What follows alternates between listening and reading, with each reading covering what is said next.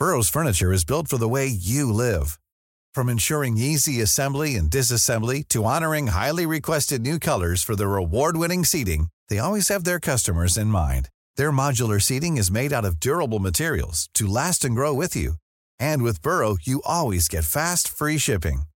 Get up to 60% off during Burrow's Memorial Day sale at burrow.com slash ACAST. That's burrow.com slash ACAST. burrow.com slash ACAST. Hiring for your small business? If you're not looking for professionals on LinkedIn, you're looking in the wrong place. That's like looking for your car keys in a fish tank.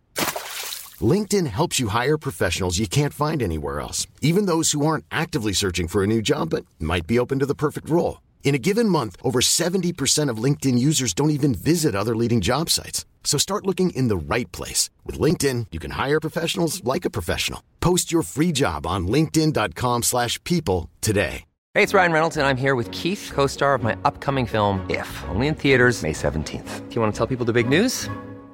All right, I'll do it. Sign up now and you'll get unlimited for $15 a month in six months of Paramount Plus Essential Plan on us. Mintmobile.com slash switch. Upfront payment of $45 equivalent to $15 per month. Unlimited over 40 gigabytes per month. Face lower speeds. Videos at 480p. Active Mint customers by 531.24 get six months of Paramount Plus Essential Plan. Auto renews after six months. Offer ends May 31st, 2024. Separate Paramount Plus registration required. Terms and conditions apply if rated PG. Den 2. juli 1937 overvåket den øverste offiseren for radiooperatørene om bord i det amerikanske kystvaktskipet Itasca, Leo Bellards, kommunikasjon mellom skipet og et fly av typen Lockheed Electra. Flyet var på et oppdrag om å fly rundt hele verden langs ekvator, og nærmet seg nå Howland Island midt i Stillehavet. Itasca hadde som oppgave å skulle lede flyet til Howland gjennom radiosignaler og radiokommunikasjon, men det ble snart klart at Elektraflyet hadde problemer med å kommunisere med skipet. Mannskapet kunne høre at radiomeldingen fra flyet ble svakere og svakere, og til slutt ble det åpenbart for samtlige om bord på Itasca at det mest alvorlige og tragiske som kunne skje, hadde skjedd. Flypioneren Amelia Earhart og navigatøren Fred Noonan var sporløst forsvunnet i det enorme Stillehavet.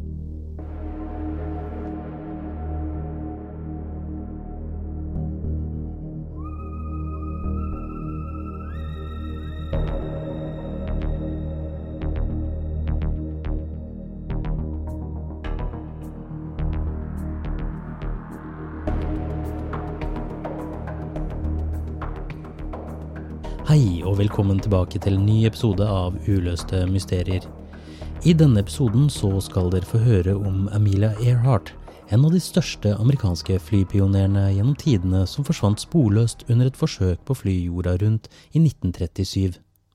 Den 17. desember i 1903 i Kitty Hawk i Nord-Carolina tok Orville Wright av for første gang i historien med flyet The Wright Flyer.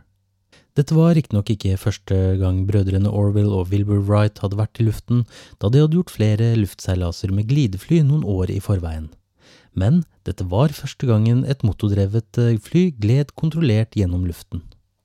Dette inspirerte også europeiske flypionerer som forsøkte å finne sine egne patenter på flyving, men det var først i 1908, da Wilbur Wright besøkte Le Mans i Frankrike og demonstrerte hvordan deres teknikker var overlegne de europeiske, at flyving for alvor fikk luft under vingene.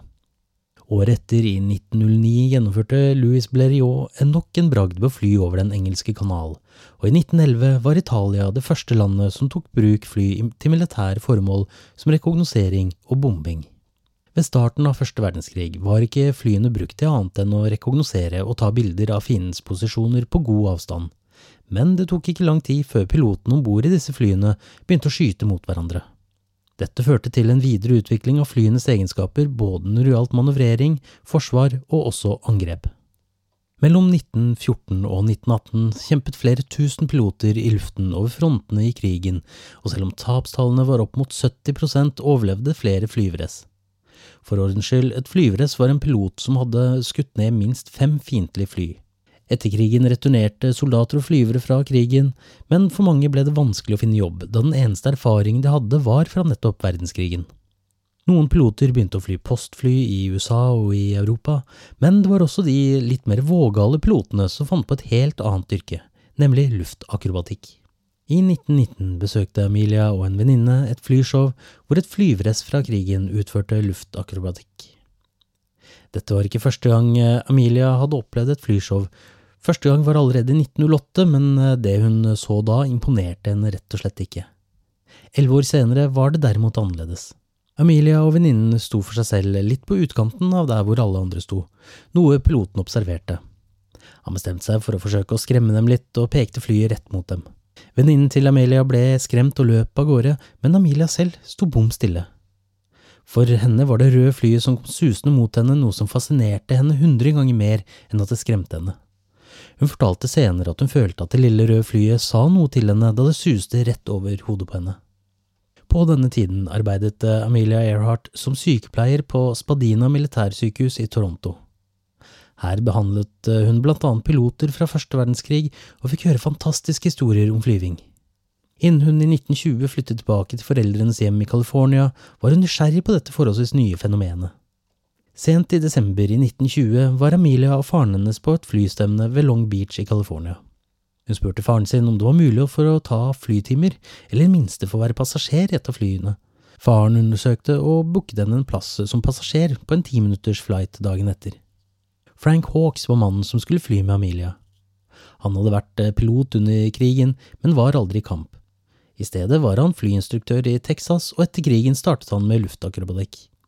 Senere skulle han bli kjent som en av de raskeste pilotene i verden og satte rekord etter rekord i å fly fra A til B. På slutten av 30-tallet sa man ikke send det med posten, send det med Hawks. Man kan trygt si at Hawks leverte varene da han tok Amelia med opp i luften, noe som skulle bli en erfaring som ville endre livet hennes for alltid. De hadde ikke kommet mer enn 70–80 meter opp i luften før Amelia hadde bestemt seg. Hun skulle bli pilot selv. Amelia Mary Earhart ble født 24. juli 1897 i Atchinson, Kansas, og var det andre barnet Samuel Stanton og Amelia Amy Earhart fikk. Det første barnet til paret var dødfødt, men Amelia var et friskt og velskapt barn.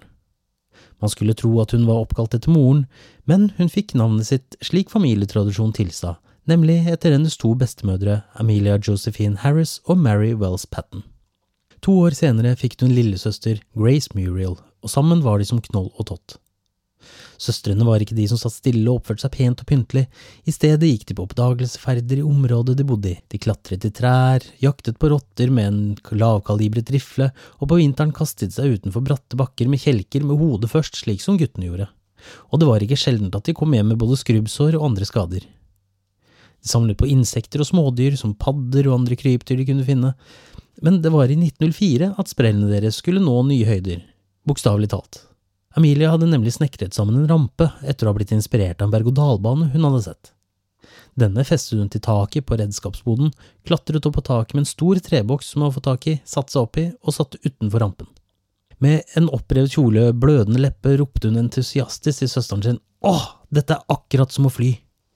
Dette skulle bli Amelia Earharts første mer eller mindre dokumenterte flyforsøk. Amelia var en guttejente og fikk mye skjenn og prek for tingene hun gjorde. Riktignok var dette mest fordi hun gjerne endte opp med å ødelegge klærne sine, da klærne til jenter på den tiden ikke var ment til å lekes i på samme måte som guttene. Men for Amelia spilte det ingen rolle om hun var gutt eller jente, hun ville bare ha det gøy og gjøre det hun syntes var spennende. I stedet for å leke som jenter skulle, begynte hun å gruble på denne forskjellen mellom gutter og jenter, noe som skulle forme henne i voksenlivet. Foreldrene til Amelia var derimot støttende, og moren lagde klær til søstrene slik at de kunne leke slik de gjorde, uten å ødelegge dem. Faren kjøpte både fotball og jaktgevær som jentene kunne bruke, og dermed fikk de lov til å leke på den måten de selv ønsket. Søstrene gikk i hjemmeskole og begynte ikke på en offentlig skole før Amelia var tolv år gammel. Da hun endelig skulle på high school, saumfarte hun de forskjellige skolene for å finne den med best kjemi- og fysikklaboratorium. Men skoletiden var tung for Amelia. I årboken til skolen sto det under bildet hennes AE, jenta i brunt som går alene. Hun ble etter hvert veldig opptatt av kvinners rettigheter og hadde en scrapbook med avisutklipp av suksessfulle kvinner i mannsdominerte yrker, men til tross for dette begynte hun å arbeide som sykesøster på Spadina militærsykehus under krigen. Og det var som sagt her hun ble bitt av flyvebasillen ved å prate med piloter som ble behandlet der. Bare en snau måned etter sin første flytur i 1920 leide hun seg en flyinstruktør som skulle lære henne å fly. Valget fant på Anita Snook. Mary Anita Snook Southern var en av USAs første kvinnelige flypionerer. Hun lærte seg å fly på en tid hvor kvinner ikke fikk lov til å gå på de fleste flyskoler, og måtte kjempe seg til en plass på Curtis Wright Aviation School. For å få tatt flysertifikatet kjøpte hun seg sitt eget fly, brukte to år på å bygge det om, for så å fly det alene fra et nærliggende jorde til flyskolen. Hun flyttet i 1920 til Los Angeles, hvor hun møtte flyinstruktøren Burt Kinner, og sammen startet de sin egen flyplass og flyskole. Det var denne flyplassen Amelia Earhart troppet opp på og spurte Nita rett ut om hun ville lære henne å fly. Nita gransket den unge kvinnen opp og ned og ønsket hele summen for flytimen betalt på forhånd. Men da hun fikk vite at Amelia måtte ta bussen helt til siste stopp for å så gå seks kilometer for å komme seg til flyplassen, ble det åpenbart at dette var noe hun virkelig ønsket, og hun ville neppe stikke fra regningen fordi det ble for skummelt for flyvningen. I alle tilfeller forhåndsbetalte moren til Amelia 1000 dollar for flytimene. De inngikk en avtale, men etter bare fem timer i luften sammen sluttet Nita å ta betaling for flytimene, og fra sommeren i 1921 fortsatte de å fly i Amelias nyinnkjøpte toseters Kinner Airster, som hun kalte Kanarifuglen. Ved et tilfelle klarte Amelia å krasjlande flyet til Nita, hvor sistnevnte begynte å lure på om hun kanskje hadde begått en feil ved å ta denne eleven under vingene sine. De klatret ut av flyet, og Amelia tok umiddelbart frem en pudderdåse og begynte å pudre nesen. Nita lurte på hva i alle dager hun drev på med, og fikk som svar til at man aldri visste når avisfolkene plutselig kunne dukke opp, og selv om man nettopp hadde krasjet, måtte man ta seg godt ut. Og ganske riktig, snart dukket de opp, og begynte å knipse bilder av det krasjlandede flyet. Amelia ble opptatt av hvordan hun fremsto uh, nå som hun var pilot. Hun uh, klipte håret kort slik de andre kvinnelige pilotene hadde gjort, og etter å ha gjort sin første sololanding kjøpte hun seg en splitter ny pilotjakke i lær slik tradisjonen var. Hun forsto straks at en slik jakke ikke skulle se så ny ut som hennes gjorde, og etter litt uh, letthjertet erting fra flyvekollegene sine begynte hun å sove i den slik at den skulle se mer brukt ut, i tillegg til å sørge for å smøre den inn med olje fra flyet. Til tross for at pilotkunnskapene i begynnelsen kanskje ikke var topp hos Amelia, fant de jevnaldrende kvinnene ut at de ble bedre og bedre venner og fortsatte å fly sammen det neste året. I 1922 satt Amelia sin første rekord i luften. Hun tok flyet sitt til en høyde på 14 000 fot, drøyt 4300 meter, noe ingen annen kvinne hadde gjort før henne, og den 16. mai 1923 ble hun den 16. kvinnen i USA med et pilotsertifikat. Etter hvert begynte hun å slite med å opprettholde flyvingen, det kostet mye penger, og til tross for flere jobber og en solid arv fra den ene bestemoren sin, begynte pengene nå å ta slutt. Men hvis Emilia ikke kunne fly selv, skulle hun iallfall fortsette å se på andre fly. I 1927 var hun på et flyshow hvor en kvinnelig pilot gjorde halsbrekkende stunts i luften, men da hun skulle lande, krasjet hun. En mann som sto i nærheten av Emilia sa selvsikkert, det er derfor kvinner ikke burde fly, de er rett og slett ikke dyktige nok. Dette fikk Emilia til å tenne på de fleste pluggene hun hadde, og i stedet for å konfrontere mannen satte hun kursen mot nærmeste hangar, satte seg i et fly og tok av. I luften gjorde hun utrolige stunts, vakker flyvning, utførte en helt nydelig landing, før hun ble omrikt av journalister som spurte henne hvorfor hun hadde gjort dette. Emilia svarte enkelt at det var for å bevise at kvinner var like flinke som menn til å fly. Dette skulle vise seg å være en genistrek. Navnet hennes var med ett på alles lepper, og da Kinner Aircraft trengte en salgsrepresentant som kunne fly, så var det kun ett navn som sto på listen – Amelia Earhart. I tillegg til jobben hos Kinner skrev hun artikler for den lokale avisen hvor hun promoterte flyving både for menn og kvinner, og etter hvert begynte hun også planleggingen av en organisasjon for kvinnelige piloter. I 1927 krysset Charles Lindberg Atlanterhavet i flyet Spirit of St. Louis, og ble dermed den første personen i verden som hadde underlagt distansen fra New York til Paris nonstop helt alene. Dette var en enorm bragd, og Lindberg ble mottatt som en helt både i Paris og i New York. George Palmer Putnam ble hyret inn for å skrive autobiografien Vi om Lindbergs liv, og flyturen over Atlanterhavet i tillegg til Lucky Lindys syn på luftfartens fremtid. Boken ble en uh, suksess, og året etter ønsket en rik amerikanerinne ved navn Amy Phipps Guest å være den første kvinnen som fløy, eller rettere sagt ble flydd over Atlanterhavet. Dessverre for uh, Guest fikk hun ikke familiens tillatelse til dette på denne tiden farlige prosjektet. I tillegg var hun selv svært bekymret for det hun anså å være en særdeles hasardiøs flytur, og i stedet valgte hun å sponse en annen kvinne med, ifølge henne selv, det rette imaget. Putnam ble tatt med på laget av koordinatorer for prosjektet sammen med piloten Wilmer Stoltz og mekanikeren Louis Gordon, som sammen skulle stå for selve flyvingen. I april 1928 fikk Amelia en telefon som hun kanskje ikke hadde forventet. I andre enden var kaptein Hilton H. Rayleigh som spurte Amelia rett ut, har du lyst til å fly over Atlanterhavet?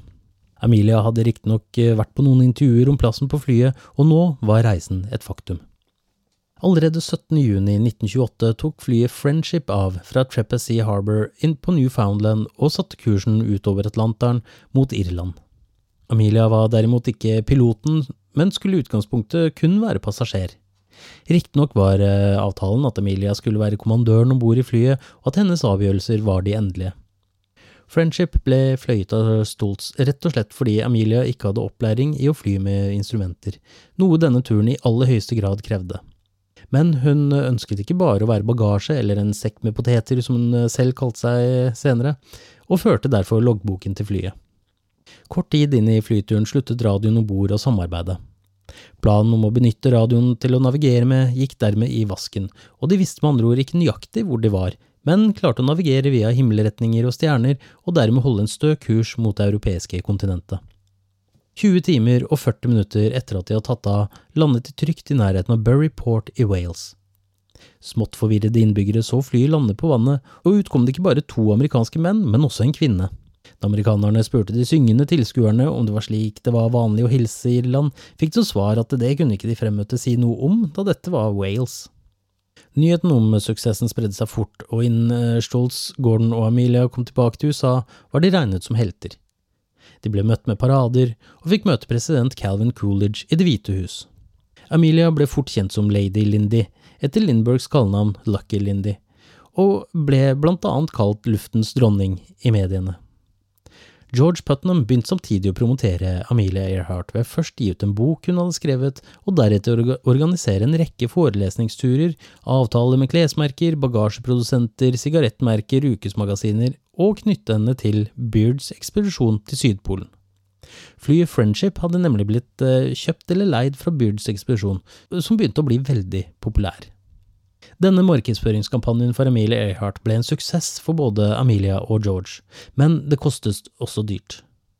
George ble skilt fra konen sin i 1929, og mange mener at en av de store årsakene var at George insisterte på at Amelia skulle flytte inn til dem mens de arbeidet på boken hennes og den enorme markedsføringskampanjen han planla. Men mye tyder også på at det var noe mer. Ikke lenge etter at skilsmisseprosessen var ferdig, bekreftet Amelia og George at de hadde et forhold, og i 1931 ble de gift. Amelias syn på ekteskap var nokså liberalt. Hun var ikke av den type kone som holdt seg hjemme mens mannen arbeidet, men mente at de begge hadde et likt ansvar for å forsørge familien. I tillegg beholdt hun sitt eget etternavn fremfor å ta ektemannens, slik skikken var. På bryllupsdagen fikk hun overlevert et brev til George hvor hun skrev at hun ikke forventet at han skulle opprettholde et middelaldersk syn på trofasthet overfor henne, og at hun selv ikke følte seg bundet til han på samme måte. Hun skrev også at hun noen ganger trengte alenetid og forventet å ha muligheten til dette. George aksepterte åpenbart dette, da de tross alt ble gift samme dag. Men Amelia hadde ikke hvilt på sine laurbær etter turen over Atlanteren. Allerede i august 1928 satte hun nok en rekord ved å bli den første kvinnen som fløy alene over det nordamerikanske kontinentet tur-retur. I 1929 deltok hun i luftrace hvor pilotene rett og slett skulle fly fra A til D via B og C på kortest mulig tid. Her havnet hun på tredjeplass, en nokså stor bragd i seg selv. I 1931, bare et halvår før hun giftet seg med George, satte hun nok en verdensrekord, da hun fløy 18.415 fot, eller drøyt 5613 meter, i et Pitcairn PCA-2-fly. I tillegg til dette involverte hun seg i kvinnelige piloters rettigheter, og ble presidenten for organisasjonen The 99s, som skulle ivareta kvinnelige piloter og bidra til å sørge for at de fikk den opplæringen de trengte. Hun var prinsippfast for at kvinner skulle få lov til å delta på lik linje som menn i flykonkurranser, og da Bendix Trophy Race forbød kvinner å delta, nektet Amelia plent å fly skuespillerinnen Mary Pickford til Cleveland for å åpne konkurransen. Den 20. mai 1932 tok den nå 34 år gamle Amelia av fra Harbour Grace på Newfoundland alene, og satte nok en gang kursen over Atlanterhavet. Med seg hadde hun et eksemplar av avisen Telegraph Journal for å bekrefte datoen for avreisen, noe journalisten Stuart Truman sørget for. Ingen skulle få sjanse til å si at Amelia Earhart hadde på noen måte jukset. Målet hennes var å kopiere Lindbergs bragd fem år tidligere, og skulle følge planen lande i Paris. Ingen andre hadde gjentatt Lindbergs flytur, men flere hadde forsøkt, og 14 piloter hadde omkommet i forsøkene. Flyturen viste seg å være svært krevende. Hun møtte sterke vinder fra nord og uvær, og vingene ble iste gjentatte ganger, noe som førte til at eh, hun til tider måtte kjempe for å holde flyet i luften. I tillegg opplevde hun flere mekaniske problemer, men til tross for utfordringene kunne hun bare 14 timer og 56 minutter etter takeoff lande på det europeiske kontinentet. Til sammenligning brukte Lindberg over 33 timer på sin overfart. Mennene Cecil King og T. Sawyer vandret rundt på engene i Derry i Nord-Irland og gjetet sauene sine da de så et knallrødt fly lande i nærheten av dem. De løp bort til flyet og så en enslig kvinne stige ut. Hun så litt forvirret ut der hun tittet rundt seg, og mennene spurte om hun hadde flydd langt. Hun svarte fra Amerika, hvor er jeg egentlig? Mennene ble overrasket og lo hjertelig mens de forklarte henne at hun hadde landet i Derry, forholdsvis langt unna Paris, som var det enkle målet. Men flyturens enorme suksess var et faktum. Amelia ble invitert til Det hvite hus nok en gang, denne gangen av president Herbert Hoover, hvor hun mottok medaljer og utmerkelser fra både USA, de franske myndighetene og National Geographic Society. Ikke nok med at hun var den første kvinnen som hadde krysset Atlanterhavet en gang, men hun hadde gjort det nok en gang, og denne gangen alene, og satt ny rekord i tiden hun brukte. I januar 1935 ble Amelia den første piloten som noensinne hadde flydd alene fra Hawaii til Oakland i California, en oppgave få hadde prøvd før henne. Mest kjent var konkurransen Dole Air Race i 1927, som ble arrangert av James Drummond Dole, mannen som startet fruktselskapet Dole. Av 15 påmeldte fly som startet, ble to disket, to trakk seg, tre fly krasjet før konkurransen i det hele tatt hadde startet, og av de åtte flyene som faktisk fikk deltatt, krasja to ved takeoff, to måtte returnere for å få utført reparasjoner, og to fly forsvant sporløst.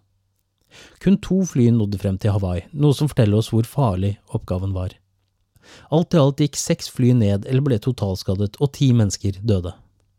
Det var riktignok to fly som nådde fram, men ingen av pilotene i disse flyene fløy helt alene, slik Emilia gjorde i 1935. For henne gikk flyturen knirkefritt, uten noe mekanisk svikt eller problemer i og utenfor flyet slik hun opplevde over Atlanteren noen år tidligere. Samme år eh, fløy hun eh, først fra Los Angeles til Mexico City, for så å sette enda en rekord ved å fly fra Mexico City til New York uten stopp. I våre dager så høres dette lite imponerende ut, men den gang var dette store nyheter, og da hun landet i New York, New Jersey, hadde hun møtt opp så mange mennesker for å ta henne imot at hun slet med å komme seg av rullebanen og til hangaren. Mellom 1930 og 1935 satte Amelia sju rekorder for kvinnelige piloter innen fart og distanse, og det var i 1936 hun begynte å innse begrensningene for det knallrøde Lockheed Vega-flyet sitt. Hun hadde nemlig begynt å planlegge den ultimate flyturen, nemlig å fly verden rundt så nært ekvator som overhodet mulig. Andre hadde riktignok flydd verden rundt alt på dette tidspunktet, og den første uh, runden skjedde allerede i 1931, da Wiley Hardman Post fløy 24 903 km på den nordlige breddegraden. Han og navigatøren brukte åtte dager, 15 timer og 51 minutter på reisen som tok dem fra New York via Wales, Berlin, Moskva, over Sibir og Alaska, deretter Canada og tilbake til startstedet. Amelias forsøk skulle bli vesentlig lenger, med en distanse på hele 47 000 km, med en reise som ville ta henne fra Oakland til Hawaii, deretter utover det enorme Stillehavet, før hun skulle krysse Sør-Asia, hele Afrika, over Atlanterhavet og deretter hjemmen til Oakland. Ved hjelp av private investorer fikk hun designet sitt eget fly, vil si fly, flyet valget falt på var en tungt modifisert Lockheed Electra. På dette flyet hadde de fjernet mer eller mindre alt av inventar utenom cockpiten, og de hadde tatt ut de fleste vinduene langs skroget, slik at det heller var en strømlinjeformet aluminiumsskrog med kun et vindu på hver side bak i flyet, slik at navigatøren kunne klare å navigere. Motorene var to av de sterkeste Pratt Whitney-motorene som kunne plasseres på flyet, og det var det behov for, da hver eneste krik og krok på flyet var stappet med ekstra drivstoff i tillegg til flere innebygde drivstofftanker. Inne satt navigatøren bak i flyet, og de kommuniserte via lapper som sendte via et snorsystem festet taket siden plassene imellom dem var dekket av en stor drivstofftank. Amelia kalte flyet sitt eh, et flyvende laboratorium, mens veldig mange andre kalte det for en flyvende bensinstasjon, noe som kanskje var nærmere sannheten, da det ikke var noen apparater til forskning eller annet laboratoriearbeid inn i flyet. Med seg skulle hun ha eh, med eh, kaptein Harry Manning, som ikke bare var en dyktig navigatør, men også en svært dyktig radiooperatør, i tillegg til å være pilot selv, som også kunne eh, morsekode. Men for å være sikre på at de valgte riktig mann til jobben, tok Emilia og George Putnam Manning med på en flytur for å teste kunnskapen hans. Amelia fløy etter landemerker, mens Manning skulle navigere ved hjelp av kart kompass og instrumenter, noe som gjorde at de havnet på feil sted, i feil stat. Putnam ble bekymret, og selv om de tross alt eh, fløy langs grensen til staten de havnet i, ville han at de også skulle gjennomføre en nattflight slik at de kunne teste kunnskapen hans under vanskeligere forhold. Selv om de i utgangspunktet kunne akseptere en feilnavigering på omtrent 30 miles og Manning bommet med kun 20 miles, var Putnam så lite imponert at han heller ville ha en ekstra navigatør til denne hasardiøse oppgaven de sto overfor. Valget falt på uh, Fred Noonan, som inntil nylig hadde arbeidet for Pan American, hvor han hadde blant annet laget flyrutene over Stillehavet, og hadde i tillegg hatt ansvaret for å lære opp navigatørene til selskapet. Planen ble derfor at Amelia, Manning og Noonan sammen skulle fly fra Oakland til Hawaii og videre til Howland Island, hvor Noonan skulle sørge for navigeringen, da dette var en særdeles farlig del av uh, oppdraget. På Howland skulle Noonan forlate flyet, mens Manning skulle navigere videre til Australia og deretter skulle Amelia fly videre alene resten av turen. Alle var enige i at dette var den tryggeste måten å utføre prosjektet på, og alt var vel den 17. mars i 1937, da Amelia og mannskapet hennes tok av fra Oakland og satte eh, kursen mot Hawaii. Flyet hadde litt problemer med den ene motoren, og stuntpiloten Paul Mantz ble med som teknisk rådgiver, og skulle bidra med å få utføre eh, service på Elektraen på Hawaii. Tre dager etter at de ankom Hawaii, skulle Amelia, Noonan og Manning ta av, men under takeoff kollapset understellet, da det høyre hjulet enten punkterte eller rett og slett knakk sammen. Flyet ble så skadet at de måtte avbryte forsøket og utsette det til flyet var reparert. I mellomtiden hadde Manning mistet tålmodigheten av utsettelser og reparasjoner, og i tillegg måtte han returnere til jobben sin i Panam. Resultatet var at det kun nå var eh, Amelia og Fred Noonan igjen, og ingen av dem hadde kunnskaper som radiooperatør, slik Manning hadde. Den 20. mai 1937 tok Emilia Noonan av fra Auckland og la ut på den enorme reisen. Forskjellen nå var at de ikke lenger kunne utføre den farligste delen av reisen først, siden vindretningene og været hadde endret seg over Stillehavet. Det betød at en av de siste strekningene skulle fly var den farligste, nemlig fra Lae i Ny-Guinea til Howland Island. De fløy sydover fra Miami til Sør-Amerika, deretter krysset de Atlanterhavet fra Natal i Brasil til Senegal på det afrikanske kontinentet. Fra Senegal fortsatte de østover mot India, før de fortsatte mot Sørøst-Asia via Thailand og Malaysia, videre til Australia og la på Papua Ny-Guinea. Mens de ventet på flybasen i La, eh, sendte Emilia et telegram hvor hun uttrykte bekymring for selskapet sitt. Det ble antydet til at drikking var et problem, og man antar at det var Noonan det var snakk om. Ifølge vitner var Amelia nær ved å la Noonan være igjen på flyplassen mens hun alene fløy videre, men visstnok fant hun ut at hun måtte ha med seg en navigatør på den vanskeligste og farligste delen av reisen. Den 2. juli 1937 klokken ti på kvelden tok de av med Elektraen som var fylt i randen med drivstoff.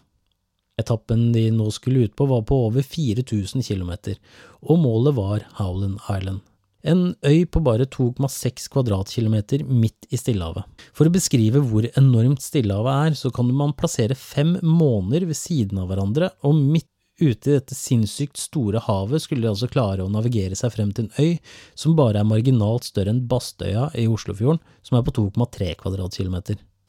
Det var med andre ord ingen rom for feilnavigering fra Nunes side, som skulle navigere etter stjernene. Kystvaktskipet Itasca var stasjonert ved Howland Island og skulle sørge for å ha radiokontakt med Elektra-flyet. De skulle kommunisere med flyet og sende ut et signal Amelia kunne følge for å finne øya uten å måtte basere seg på kun å navigere via stjernehimmelen. Planen var at Amelia skulle bruke en 500 kHz-sender for radionavigasjon i tillegg til en eksperimentiell høyfrekvenssender, slik at Itasca kunne finne ut hvor eh, kommunikasjonen fra flyet kom fra tillegg skulle de også slippe ut mørk røyk slik at mannskapet om bord på Itasca fysisk kunne se hvor de var, og således hjelpe til med å navigere de til øya. På toppen av elektraflyet rett over cockpit hadde de montert en sløyfeantenne som skulle brukes for å finne navigasjonssignaler på reisen. Piloten kunne vri på denne antennen for å finne retningen signalene kom fra, men de hadde slitt med å bruke den på tidligere etapper. Først hadde en sikring røket, men et problem oppsto da de nærmet seg Itasca og Hallen Island, var at de forsøkte å lytte til et signal som ble sendt på 7500 kHz. Sløyfeantennen på denne tiden fungerte dårlig på signaler over 2000 kHz, og dermed kunne de riktignok motta signalet, men de klarte ikke å finne ut hvor det kom fra. Da Amelia og Noonan nærmet seg Itasca, mottok mannskapet om bord på skipet flere tydelige radiomeldinger fra Elektraflyet. De første meldingene som kom rundt kvart på tre og like før klokken fem på morgenen, handlet om at det var overskyet, og da de ble brutt opp, tydet det på at flyet var et godt stykke unna Howland. Kvart over seks på morgenen mente Amelia og Noonan at de var omtrent 320 km fra målet, og ba derfor om at Itasca skulle bruke retningssøkeren sin slik at flyet kunne peile seg inn på den. Amelia begynte så å plystre i mikrofonen slik at hun opprettholdt et konstant signal, så Itasca kunne peile seg inn på signalet, men det var da mannskapet forsto at noe var galt. Radiosystemet deres klarte ikke å peile seg inn på frekvensen til Elektraflyet. Radiooperatør Leo Bellerts forsto raskt hva som var i ferd med å skje.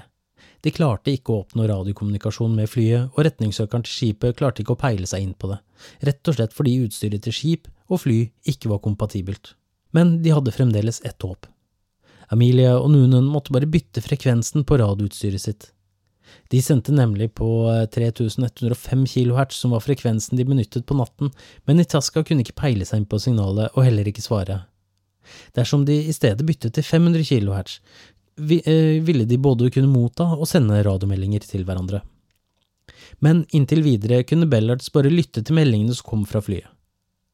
Tolv minutter over syv sendte Emilia følgende melding. Vi må være rett ved dere nå, men vi kan ikke se dere. Går tom for drivstoff, kun en halv time igjen. Har ikke fått tak i dere på radio, vi flyr i tusen fots høyde.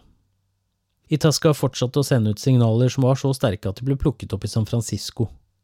Flyets signaler var også eh, sterke nok til at Itasca kunne høre kommunikasjonen klart og tydelig, men det var åpenbart at flyet ikke lyttet på de korrekte frekvensene. 13 minutter senere rapporterte Emilia at de fløy i sirkler, men at de ikke kunne høre Itasca. Hun ba deretter om at skipet skulle sende et signal på 7500 kHz, noe de også gjorde med en gang. Dette signalet mottok Emilia, men igjen klarte de ikke å peile seg inn på hvor signalet kom fra. Signalet fra Emilia var derimot så sterkt at mannskapet på skipet løp ut på dekk for å prøve å se de, men luftrommet over og rundt dem var tomt.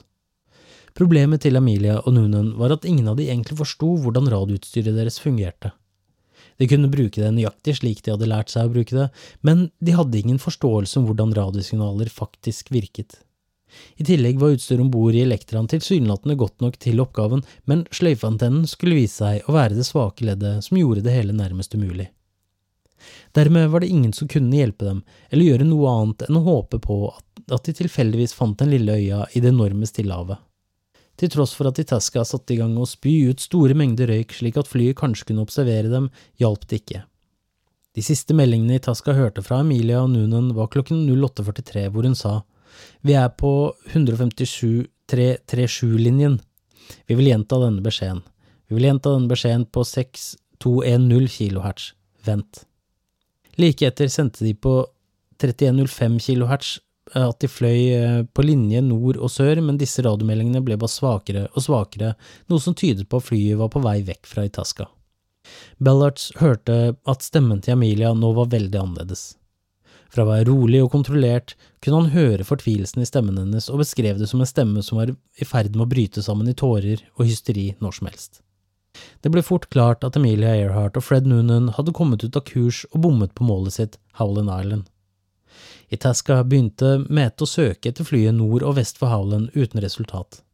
Den amerikanske marinen begynte også å lete etter flyet, og snart var inntil da den største leteaksjonen noensinne i gang. Det ble søkt over flere øyer eh, sør for Howland, deriblant Gardner Island, som nå heter Nicomaroro, en øy som ikke hadde vært befolket på minst 40 år. Her meldte et søkefly om at de så tegn til at noen hadde bodd på øya nylig, men de så ikke noe tegn til mennesker eller fly da de fløy over. Vest på øya så de også dampskipet SS Norwich City, som hadde forulykket der i 1929 under en storm, men ingen tegn til liv eller Amelias fly. Den 19. juli 1937 og fire millioner dollar senere ble letingen avblåst, og Amelia Earhart og Fred Noonan ble offisielt ansett som forsvunnet i Stillehavet. Men George Putnam ga ikke opp. Han fortsatte å søke etter Amelia og Elektraflyet og organiserte søk på flere øyer i Stillehavet, men uten resultater. Og den 5. januar 1939 ble Amelia Earhart offisielt erklært død.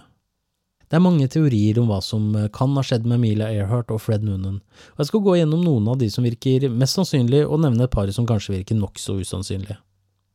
Jeg kan begynne med det som er mest usannsynlig først, nemlig at de fløy gjennom en dimensjonell portal. De var kanskje nøyaktig der de skulle være, men siden de var i en annen dimensjon, klarte de ikke å se øya eller i taska. Dette skulle visstnok også forklare hvorfor de kunne sende radiomeldinger, men ikke motta dem. En annen teori som er litt innom denne, er at de ble bortført av romvesener. Jeg skal ikke bruke så lang tid på disse teoriene, da anser de som temmelig usannsynlige.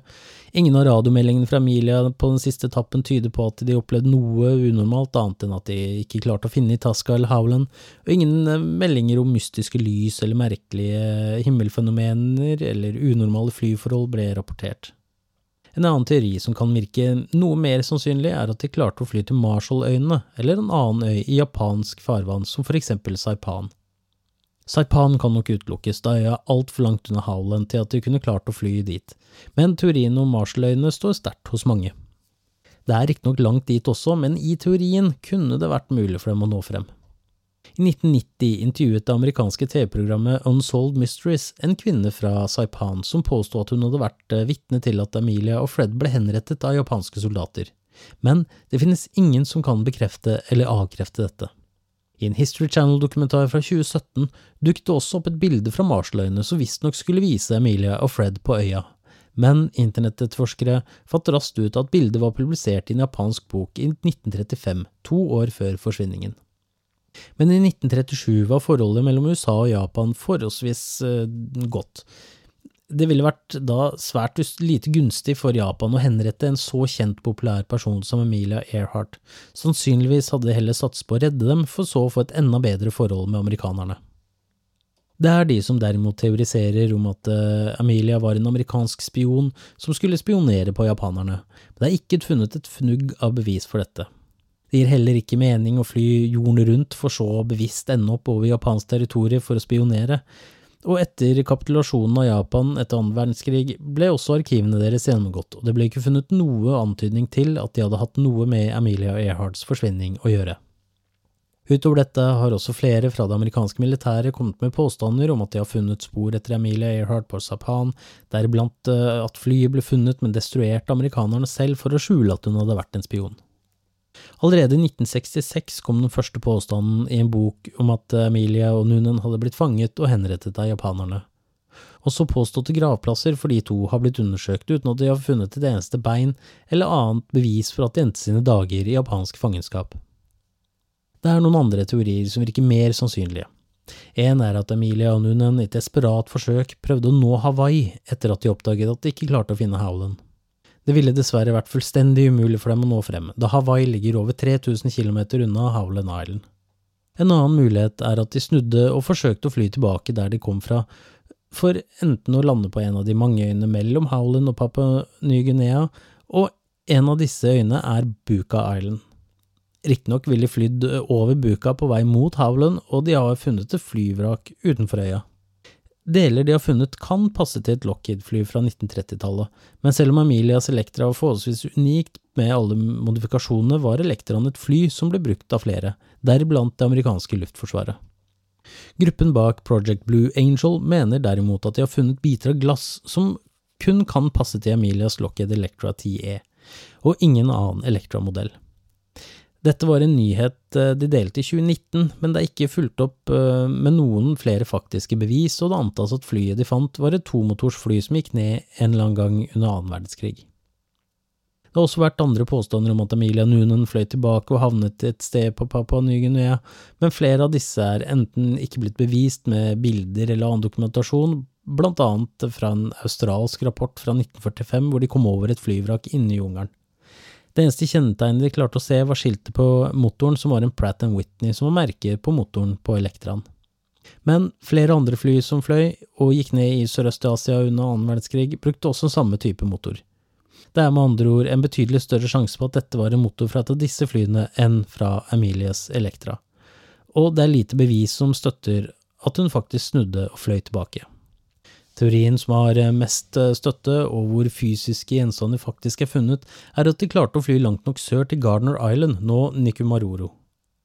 Denne øya ligger kun 650 km sørøst for Howland og har gode muligheter for et fly som Elektra å lande på. Gardner Island ble riktignok undersøkt både fra luften eh, en uke etter forsvinningen, og årene som fulgte ble det bygget på øya.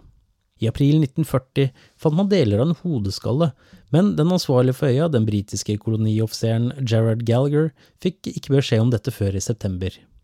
Gallagher valgte dermed å undersøke øya nærmere, og da han fant eh, flere knokler, en flaske med benediktinerlikør, en sko og esken til navigasjonsutstyr under eh, et tre syd på øya, mente han at hm, dette kunne kanskje være Emilia Earhart. Men det viste seg at esken til navigasjonsutstyret hadde blitt etterlatt av USS Bushnell, som året før hadde gjort undersøkelser på øya. Benediktineren var visstnok en likørtype flere piloter foretrakk, men hvorvidt eh, Amelia eller Noonan foretrakk denne og hadde den med seg, det er usikkert. Levningene mente Gallagher måtte tilhøre Amelia Earhart, eller i hvert fall at det var en veldig stor sjanse at de gjorde det, så han sendte dem til Fiji, hvor dr. D.W. Hoodless undersøkte dem.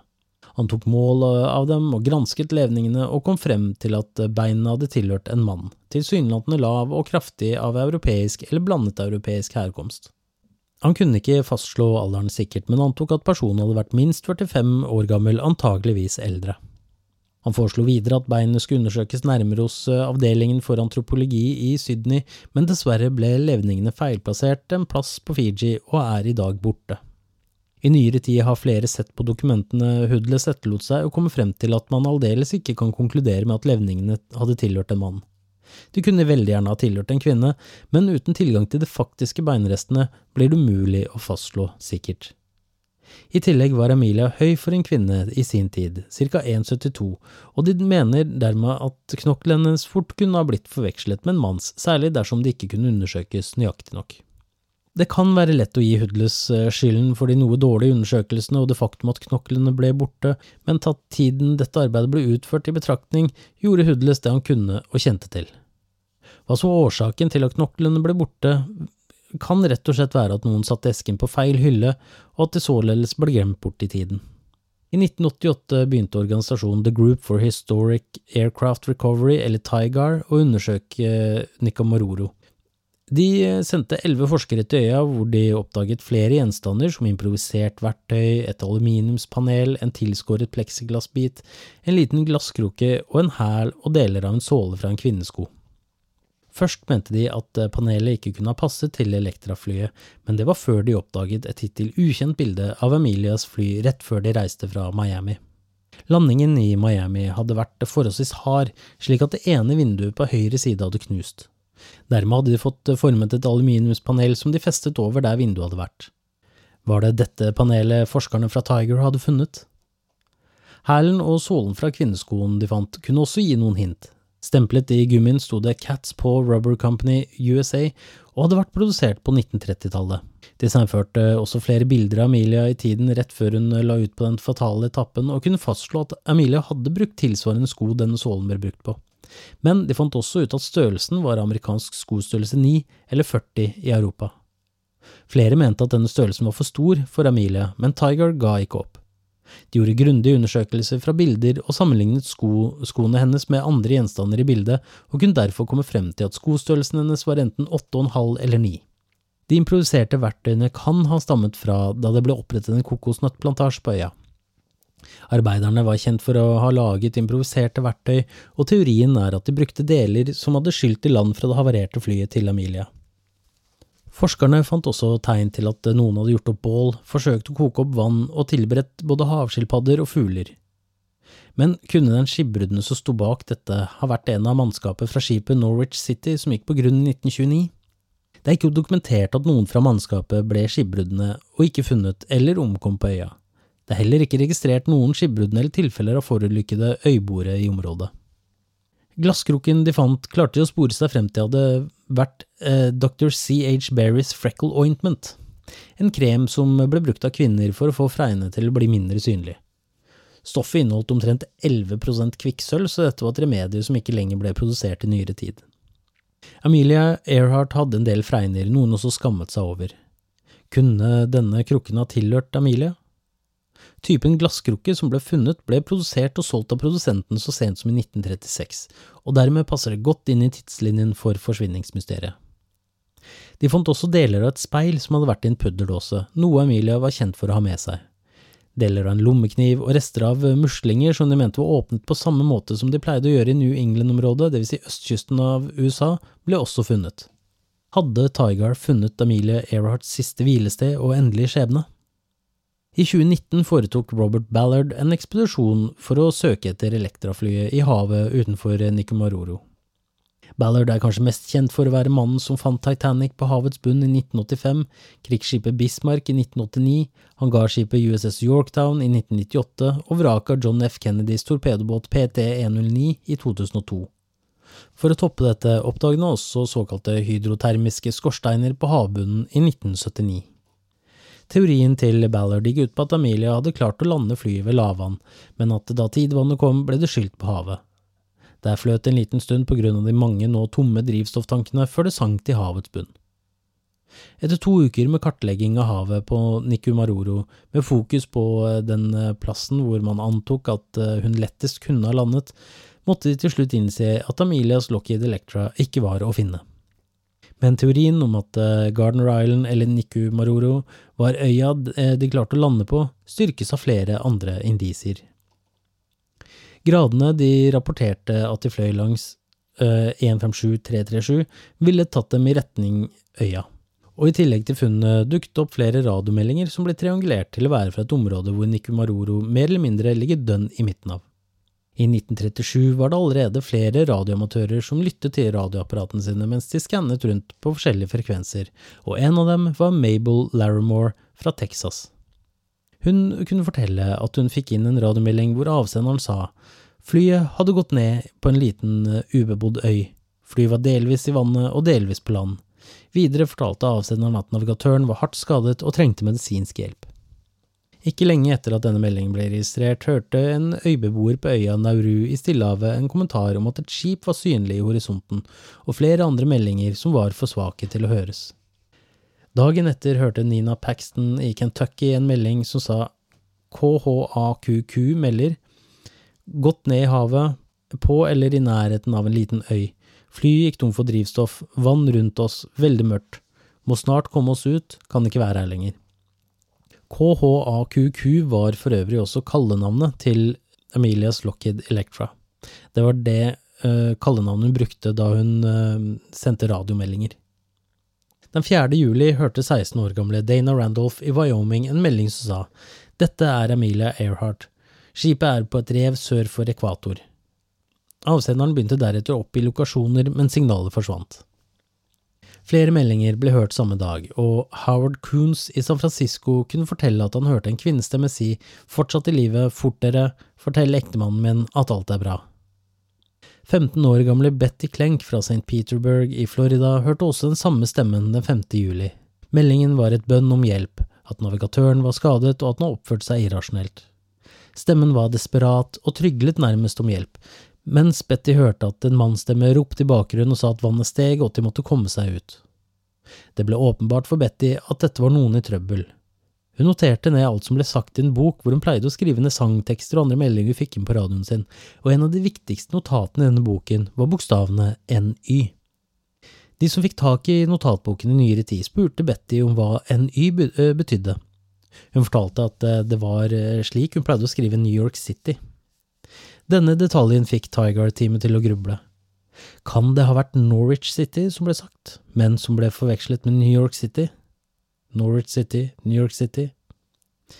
I tillegg har man meldingen fra 4. juli som Dana Randolph eh, mottok, som sa at skipet var på et rev sør for ekvator. Hvis det var Amelia som sendte meldingen, hvorfor ville hun da si at et skip var på et rev sør for ekvator, ikke flyet? Kan disse radioamatørene ha hørt Amelias Earharts siste meldinger? Tidspunktet for disse meldingene passet også forbausende godt med når tidevannet kom på Nikomaroro, noe som kan forklare opphold på opptil tolv timer mellom meldingene. Den ledende teorien til Tigar er i dag at Emilie og Noonan krasjlandet på Nikomaroro en gang den 2. juli 1937. Det jeg skal skildre nå, er mine egne tanker om hva som kan ha skjedd, mye basert på Tigars teorier. Ved landing brakk det høyre landingshjulet slik det gjorde på Hawaii tidligere samme år. Flyet ble liggende halvveis nede i vannet og halvveis på land, slik at du kunne holde den ene motoren i gang for å generere nok strøm til radioen, i alle fall i små omganger med den lille mengde drivstoff de antageligvis hadde igjen. Noonan ble hardt skadet i krasjlandingen, og etter hvert som dagene gikk, ble Noonan mer og mer irrasjonell i handlingene sine. I tillegg til at skaden muligens ga feber og sterke smerter, begynte både vann og mat å gå tomt. Hvorvidt hun noensinne kom seg ut av flyet i live, eller om han døde der, er umulig å si. Men det er kun funnet beinrester av én person på øya, noe man antar er fra Amelia. Hver gang tidevannet kom inn, slo det flyet mer og mer løs, og etter hvert løsnet det helt fra sandbunnen og ble dratt ut til havs. Her ville det kanskje ha flytet i lengre tid på grunn av de tomme drivstofftankene, men etter hvert ville elementene ha seiret og tatt med seg flyet, og kanskje også kroppen til Nunen ned til havets dyp. Amelia kom seg land på Nikumaroro, og hun forsøkte det lengste å overleve på den ugjestmilde øya, men etter hvert som vannet tok slutt og regnværet uteble, døde hun i en kombinasjon av dehydrering, sult og utmattelse. Nikumaroro er hjemmet til flere tusen kokosnøttkrabber, og disse klarer å fortære en kropp på usedvanlig kort tid. Etter bare en uke ville det nesten ikke vært noe igjen, og det som var igjen, ville blitt slept av gårde av krabbene til hulene de lager under bakken. Og med det ville nesten alle spor etter Amelia Earhart, Fred Noonan og Lockheed Electra-flyet være sporløst forsvunnet men til tross for mange tilsynelatende gode indisier og funn av fysiske gjenstander, er det lite som kan fastslå at Nikomaroro var øya Amelia og Noonan landet og døde på. Det er ingen garanti for at radiomeldingene som folk rundt om i USA og andre steder i verden faktisk kom fra Amelia Earhart, eller at de kom fra noen i det hele tatt. Det kan ha vært eh, helt tilfeldig at eh, flere personer fant på historiene hver for seg, eller det kan ha vært datidens spøkefugler som kom med meldingene eller de kan ha vært fullstendig urelatert til mysteriet. Men det er detaljer i meldingene som gjør at det hele blir enda mer mystisk. Det ville vært umulig for blant annet Dana og Betty å vite om skipet Norwich City på Nikumaroro. Det er også en siste teori man ikke må glemme å ta med seg når man forteller om forsvinningen. Bruker man Occams Racer, hvor den letteste forklaringen stort sett er den beste forklaringen, havner man på at flyet rett og slett gikk tom for drivstoff mens de lette etter Howlin Island og gikk ned i havet i området rundt øya. Havet rundt Howlin er nærmere 4500 meter dypt, og området som må søkes på er kolossalt. Robert Ballard sa enkelt og greit glem det til å forsøke å finne flyet i det enorme søkeområdet dersom man legger denne teorien til grunne. Det er likevel den letteste forklaringen på forsvinningen, og kanskje til og med også den mest sannsynlige. Da Emilie og Nunen oppdaget at de ikke var der de skulle være, og at de ikke klarte å oppnå kontakt med Itasca, hadde de lite annet alternativ enn å fortsette å lete. De visste at de aldri ville nå frem til Hawaii eller noen annen kjent bebodd øy i Stillehavet, særlig siden utgangspunktet de nå hadde, var at de ikke visste nøyaktig hvor de var. Å navigere med et fullstendig ukjent utgangspunkt ville vært utrolig vanskelig til og med for en dyktig navigatør som Noonan, og særlig i et så ekstremt stressende og presset situasjon. Dermed fortsatte de å lete langs linjen de oppga til Itasca i håp om at noen til slutt ville finne dem, eller de ville finne noen helt til drivstoffet gikk tomt. Det å skulle lande på vann med et fly er også noe som er utrolig vanskelig, man kan sammenligne det med å skyte en kule mot glass, bortsett fra i dette tilfellet er havet kula og flyet glasset. Flyet ville etter all sannsynlighet bli revet i filler idet det traff vannet, og både Amelia og Nunen ville blitt drept nærmest momentant. Flyet ville sunket, og det ville aldri blitt funnet. At et av leteskipene i ettertid hadde funnet vrakdeler, er også svært usannsynlig med tanke på hvor enormt dette området er, og med tanke på hvor begrenset letemulighetene var den gang i forhold til de er i dag. Amelia Earhart var et stort forbilde og en enorm inspirasjon for mange kvinner i sin tid, og ble beundret av tusenvis. Hun inspirerte mange kvinner, unge som gamle, i å interessere seg for flyving. Hun er nok mest kjent for forsvinningen, men det er viktig å ikke glemme de fantastiske bragdene hun gjennomførte mens hun var i live. Det kan være lett å glemme at flypionerer på 20- og 30-tallet var de som med livet som innsats formet det som vi i dag kjenner som moderne luftfart, og uten deres offer ville kanskje verden sett veldig annerledes ut. Hva som egentlig skjedde med Amelia Earhart og Fred Noonan i 1937 får vi kanskje aldri et endelig svar på, men enn så lenge vil det uløste mysteriet om deres skjebne fortsette å fascinere millioner av mennesker rundt om i verden. Takk for at du har lyttet. Vi høres.